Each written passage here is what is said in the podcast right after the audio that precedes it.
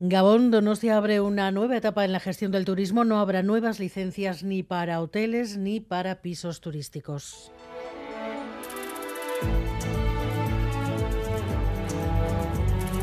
Gambara con Arancha García.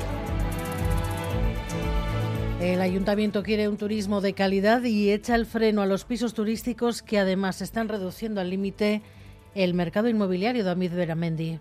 Más de 160 hoteles y pensiones, más de 1.300 pisos turísticos, en total 18.000 plazas. La opinión de los donostiarras es unánime, ya basta. Sobran con los que hay. Yo creo que hay más que suficientes. Me parece una buena medida. Están saturadísimas, demasiado. Desde 2017, un 40% más de hoteles y pisos turísticos. Con tanto hotel y piso, el alquiler está prohibitivo. La gente joven no puede salir de casa ni con 30 años. Imposible, no se puede vivir. Desproporcionado. Porque esta gente que está dedicando al tema de alojamiento turístico, suben los precios. En San Sebastián, 7.000 donostiarras están apuntados en las listas de Cheguinza. El cierre de la reforma de las pensiones podría llegar, entre tanto, mañana mismo podría llegar y el ministro Escriba ha citado a sindicatos y patronales. Mañana veremos si hay acuerdo y, sobre todo, cómo quedan cuestiones clave como el periodo de cálculo y las bases de cotización.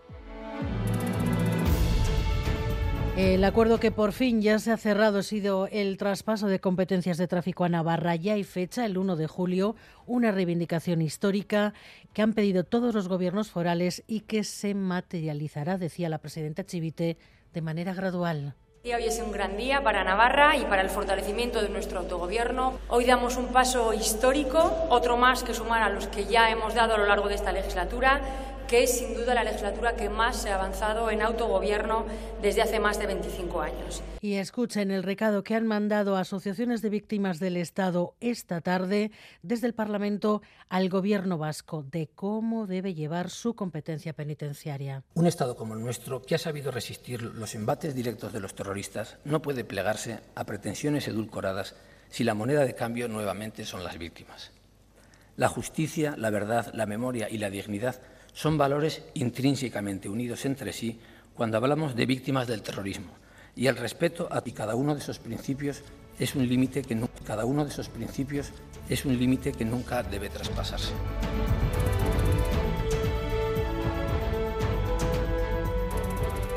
Han perdido la vida tres jóvenes alrededor de los 30 años de edad, confirmar que ya se ha podido recuperar e, e identificar a los cuerpos. Un trabajador lleva poco más de tres años, otro algunos seis meses y el, y el, becario, que lleva no muchos días. Bueno, pues lo acaban de escuchar dos trabajadores y un becario que llevaba pocos días trabajando. Son las víctimas del derrumbe esta mañana en una mina de Barcelona. Se están investigando las causas. Cosas que no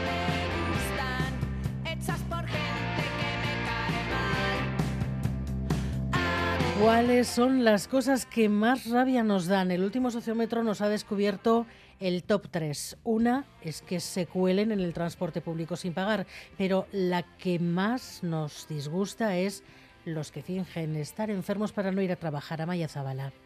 Si hay algo que los vascos y las vascas no toleramos es que alguien finja una enfermedad para no ir a trabajar, y es que un 91% de los encuestados lo considera inaceptable. A la semana cogió la baja, se tiró seis meses de baja, pero es que lo gracioso es que estaba en los bares. Casi igual de grave vemos el hecho de colarse en el transporte público sin pagar y eso que en nuestra sociedad en lo que concierne a pagar la mayoría somos bastante legales.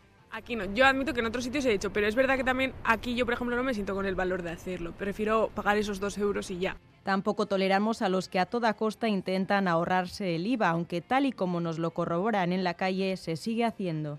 Yo lo he visto y se sigue haciendo, pero está feo. Por ejemplo, mi tía es peluquera y alguna vez ya le han dicho. Hay, por ejemplo, supermercados que ponen el día sin IVA con tanto por ciento de descuento que al final eso da pie a que la gente lo siga preguntando.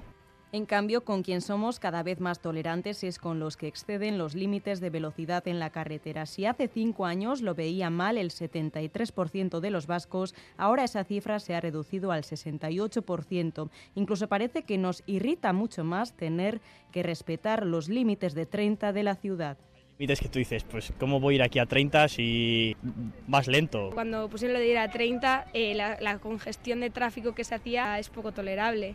A pesar de ello, nos afirman que comparando con otros países, aquí somos muy formales a la hora de cumplir las normas de tráfico. Incluso si hay un semáforo en rojo, la gente para. En Argentina no. Tenés que mirar igual por las dudas porque te chocan. Alberto Zubeldia y Miguel Ortiz están en la dirección técnica. Comenzamos.